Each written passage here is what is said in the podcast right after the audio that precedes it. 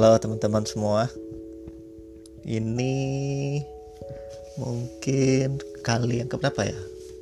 Ini kali yang kedua. Udah lama absen saya. Absen buat podcast lagi. Ya, dan ini kesempatan saya bisa kembali cerita-cerita kepada teman-teman dan waktu yang baik juga ya bisa bisa berbagi ya kepada teman-teman. Hmm. Kali ini saya mau cerita tentang sesuatu yang kecil, teman-teman. Tapi sesuatu yang kecil ini ya bisa punya pengaruh besar. Bahkan hidup teman-teman tergantung kepada ya hal yang kecil ini. Hidup keluarga teman-teman tergantung sama hal yang kecil ini. Hidup negara kita tergantung kepada yang kecil ini. Apakah itu? Hmm, yaitu lidah kita. Ya, hari ini saya mau bicara tentang lidah. Waktu hari Minggu kemarin uh, saya dengar khotbah tentang lidah ya, yang diambil dengan ya, di kitab Yakobus pasal yang ke-3 ayat 1 sampai 12. Dan kesempatan ini saya mau bagi juga teman-teman melalui sudut pandang saya. Ini ayat yang menarik ya. Oke, kita buka firman Tuhan di Yakobus 3 ayat 1 sampai 12. Saudara-saudaraku, janganlah banyak orang di antara kamu mau menjadi guru. Sebab kita tahu bahwa sebagai guru kita akan dihakimi menurut ukuran yang lebih berat. Sebab kita semua bersalah dalam banyak hal. Barang siapa tidak bersalah dalam perkataannya, ia adalah orang sempurna yang dapat juga mengendalikan seluruh tubuhnya. Kita mengenakan kekang pada mulut kuda, sehingga ia menuruti kehendak kita. Dengan jalan demikian, kita dapat juga mengendalikan seluruh tubuhnya. Dan lihat, saja kapal-kapal walaupun amat besar dan digerakkan oleh angin keras namun dapat dikendalikan oleh kemudi yang amat kecil menurut kehendak jurumudi. Demikian juga lidah walaupun suatu anggota kecil dari tubuh namun dapat memegahkan perkara-perkara perkara yang besar. Lihatlah Walaupun kecilnya api, ia dapat membakar hutan yang besar. Lidah pun adalah api. Ia merupakan suatu dunia kejahatan dan mengambil tempat di antara anggota-anggota tubuh kita sebagai sesuatu yang dapat menodai seluruh tubuh dan menyalahkan roda kehidupan kita. Ia sedang sendiri ia dinyalakan oleh api neraka semua jenis binatang liar, burung-burung, serta binatang-binatang menjalar dan binatang-binatang laut dapat dijinakan dan telah dijinakan oleh sifat manusia. Tetapi tidak seorang pun yang berkuasa menjinakkan lidah.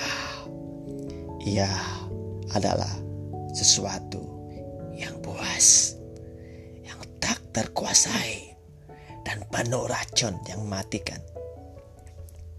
Dengan lidah kita memuji Tuhan, Bapa kita, dan lidah kita mengutuk manusia yang diciptakan menurut rupa Allah. Dari mulut yang satu keluar berkat dan kutuk. Hal ini, saudara-saudaraku, tidak boleh demikian terjadi. Adakah sumber memancarkan air tawar dan air pahit dan dari mata air yang sama? Saudara-saudaraku, adakah pohon ara dapat menghasilkan buah zaitun? Dan adakah pokok anggur dapat menghasilkan buah ara? Hmm, demikian juga mata air asin tidak dapat mengeluarkan air tawar. Ya, menarik bukan? Dari sini, ayat ini kita belajar sama-sama. Kita berhati-hati menggunakan lidah ada suatu lagu yang saya saya tahu. Mungkin lagu ini sekitar tahun berapa ya? Tahun 80-an atau tahun 90-an saya lupa. Yang dinyanyikan oleh Bob Tutupoli katanya begini. Memang lidah tak bertulang. Pom pom pom pom. Tak berbekas kata-kata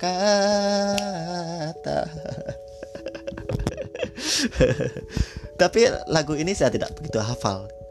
Lagu ini uh, uh, adalah sesuatu memori saya yang saya tahu dan dunia tahu yaitu suatu uh, perkataan yang diucapkan melalui lidah kita itu berbahaya ya. Dan kita kita kita harus berhati-hati menggunakannya. Dan kita lihat kembali lagi di kitab Yakobus pasal yang ketiga.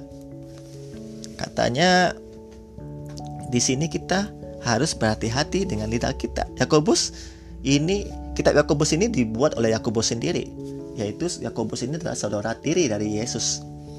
Dan Yakobus adalah seorang soko guru jemaat di Yerusalem.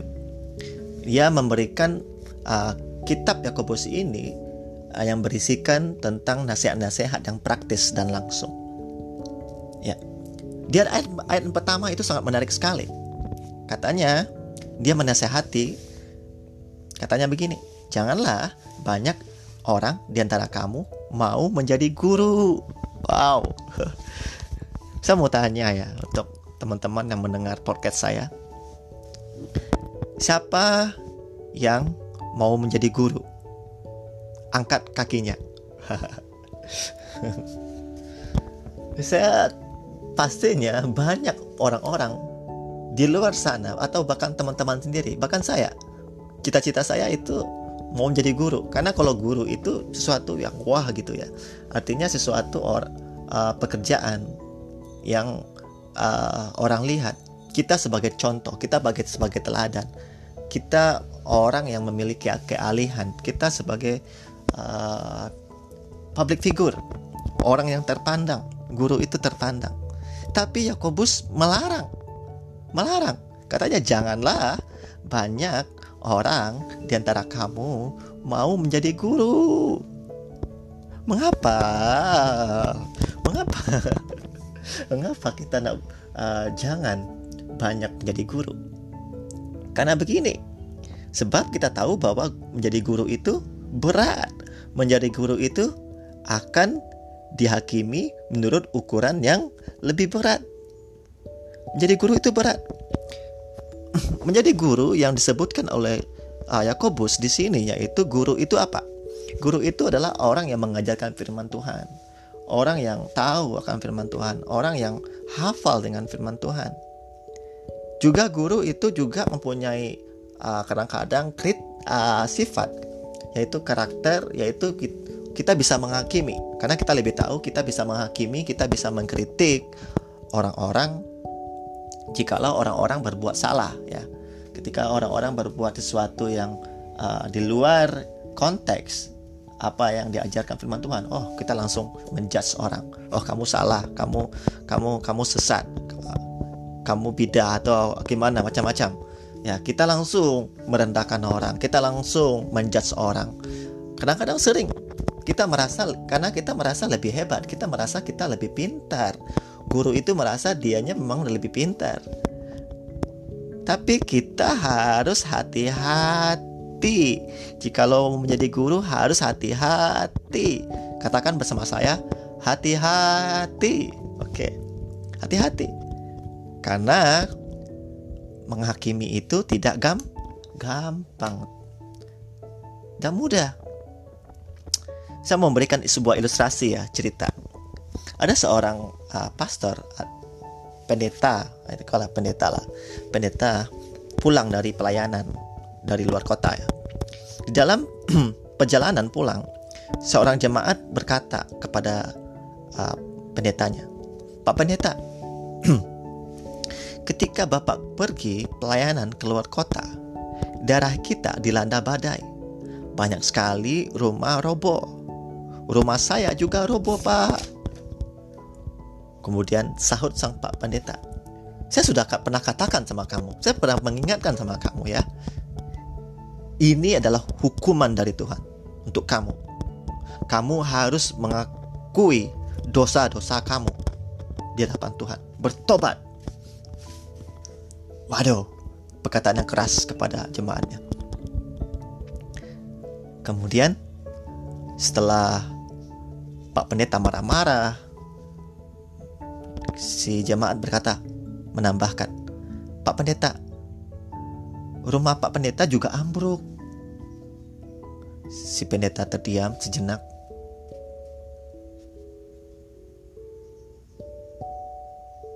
Oh ya? Kehendak Tuhan memang tidak bisa kita selami.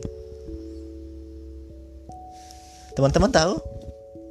Seperti itulah yang disampaikan Yakobus menjadi guru itu sulit. Kalau kemalangan menimpa orang lain, orang lain yang didosa-dosakan.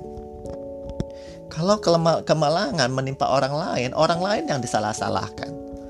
Ketika kemalangan menimpa orang lain, orang lain yang katanya harus bertobat, harus harus kamu salah, kamu begitu, kamu begini, kamu melakukan hal yang benar-benar ceroboh atau gimana, kita langsung mengkritik orang. Karena kita merasa diri kita lebih lebih pintar, kita merasa lebih hebat, kita lebih jago, kita lebih rohani. Tetapi kalau kemalangan yang sama terjadi mengenai diri sendiri, dikatakan itu kehendak Tuhan. Waduh. Ya, sekarang kita lagi mengalami masa-masa virus corona ya pandemik ini. Waktu waktu pandemi terjadi di Cina di awalnya belum menjalar ke negara-negara lain. Banyak orang-orang merasa-rasa dirinya rohani, berkata, "Wah, Cina, wah, negara komunis. Wah, itu semuanya gara-gara gara-gara gara-gara uh, kepercayaan mereka. Mereka tidak tahu apa yang mereka perbuat." dasar keturunan ular peludak kita marah banyak orang-orang marah mereka mereka mereka menghakimi tetapi ketika penyakit itu menjalar ke berbagai negara apa kata orang ah kita tak, tidak tahu apa yang terjadi di balik ini ambil aja hikmahnya wah kita merasa uh, kita kita kita benar kita kita waktu kita di, ini ditimpa sama kita kita nggak kita merasa ini oke oke saja tapi ketika kemalangan menimpa orang lain, kita menghakimi orang. Makanya Yakobus mengingatkan bagi kita. Katanya bahwa sebagai guru kita akan dihakimi menurut yang kurang lebih berat sebab kita semua bersalah dalam banyak hal. Kita semua bersalah dalam banyak hal. Barang siapa tidak bersalah dalam perkataannya, ia adalah orang yang sempurna Nah, kita bersalah kepada banyak hal. Jadi hati-hati.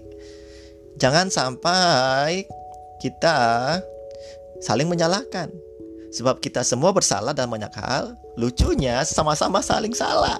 Saya sama-sama udah salah tapi saling menyalahkan. Ya. Tapi mari kita uh, melalui kehidupan kita kita saling membangun. Oke? Okay? Dan kemudian next. Firman Tuhan mengajarkan kita ya kita mengenakan kekang pada mulut kuda sehingga ia menuruti kehendak kita. Dengan jalan demikian, kita juga dapat mengendalikan seluruh tubuhnya. Jadi, lidah itu sama dengan kekang yang bisa mengendalikan binatang-binatang.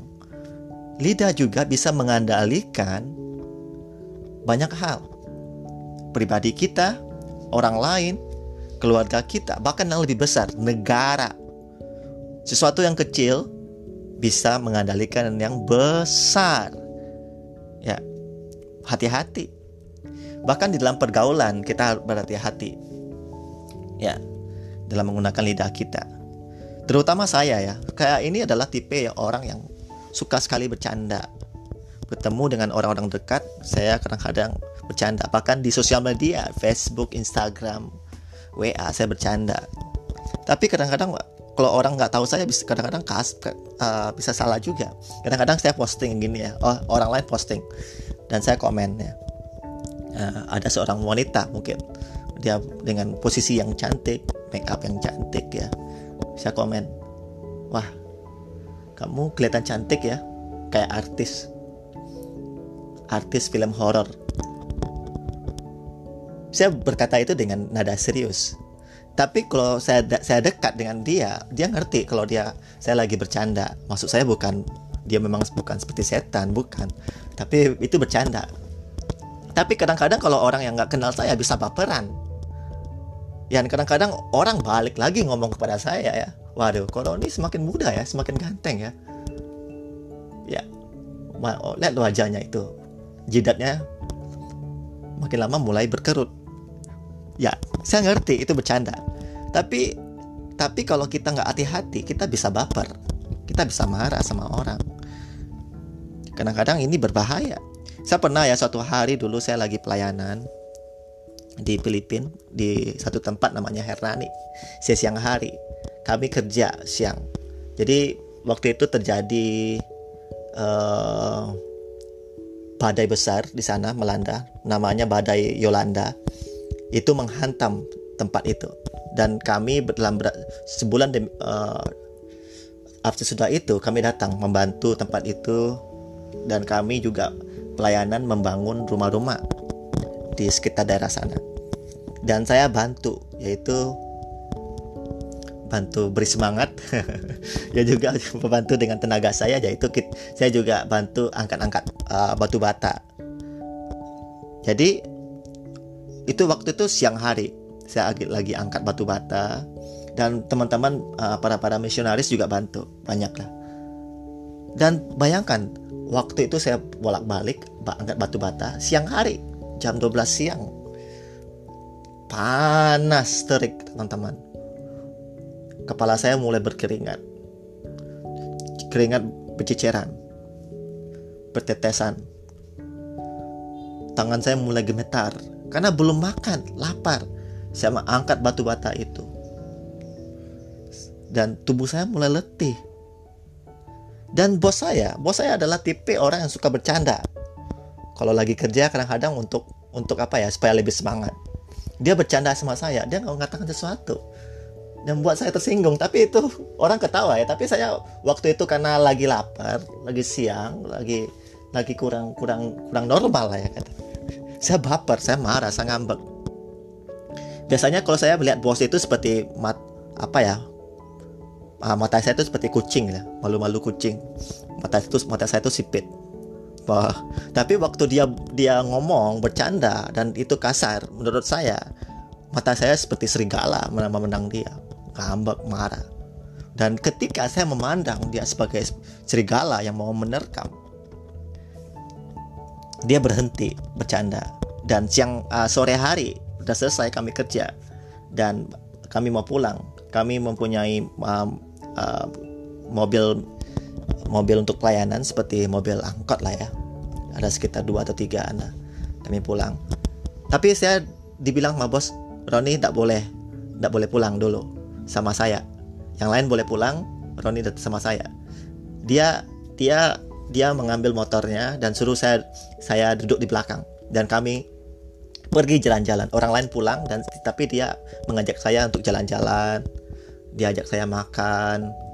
Dia saya ajak ngobrol. Diajak saya keliling-keliling daerah sana. Dan lama-lama kemarahan saya mulai reda. Karena perut saya kenyang saya happy happy ya begitulah cara untuk uh, meredahkan amarah saya jadi teman-teman kalau misalnya teman-teman buat saya marah, mudah caranya ya. Ajak saya, ajak saja saya makan. Gampang kan? Ya. Boleh teman-teman praktekkan. Jadi teman-teman, dari sini kita melihat kalau kita tidak berhati-hati menggunakan lidah kita, orang-orang akan marah. Orang-orang bisa salah pengertian. Dan juga ada sebuah cerita uh, kisah uh, kisah ini dimulai dari seorang uh, anak kecil namanya Mao Zedong. Mao Zedong ini adalah mantan presiden uh, Republik Cina. Jadi teman-teman waktu masa kecil dia bersekolah di Eropa dan di Eropa dia pernah masuk sekolah minggu. Ya di daerah-daerah bule-bule sana dia masuk sekolah minggu pergi sana. Dan ketika ketemu dengan orang-orang di sana dan juga guru sekolah minggunya dan guru sekolah minggu ini bercanda sama dia atau meledek dia katanya begini hai kamu anjing kuning mari sini. Ketika guru sekolah minggu ini meledek dia dia dia mengambil hati dia baper dia marah. Sejak itu detik itu dia dia tidak pernah lagi datang sekolah minggu. Dia merasa direndahkan karena keturunan Asia. Dia dia marah. Dan dia balik lagi sudah selesai sekolah di Eropa dia balik lagi ke negaranya dan dia masuk ke partai politik dan dia menang. Dan dia berhasil menjadi uh, pemimpin di sana. Dan dia mendirikan partai komunis dan banyak orang-orang menjadi komunis gara-gara dia. Wow. Sungguh menyedihkan teman-teman. Hanya dikarenakan seorang guru sekolah minggu salah berkata, salah menggunakan lidahnya, dan dia sudah membawa pengaruh besar kepada seseorang. Pemimpin. Teman-teman, kita belajar. Jangan kita melakukan hal yang sama. Hati-hati dengan lidah kita. Hati-hati dengan dengan perkataan kita. Dengan lidah kita memuji Tuhan. Dengan lidah kita juga mengutuk orang-orang dengan lidah kita juga merendahkan orang-orang. Jangan gunakan lidah kita untuk sesuatu hal yang kurang baik, kurang pantas. Tapi marilah pada kesempatan ini saya mau berbagi teman-teman. Marilah pakai lidah teman-teman, pakai lidah kita untuk memberkati orang.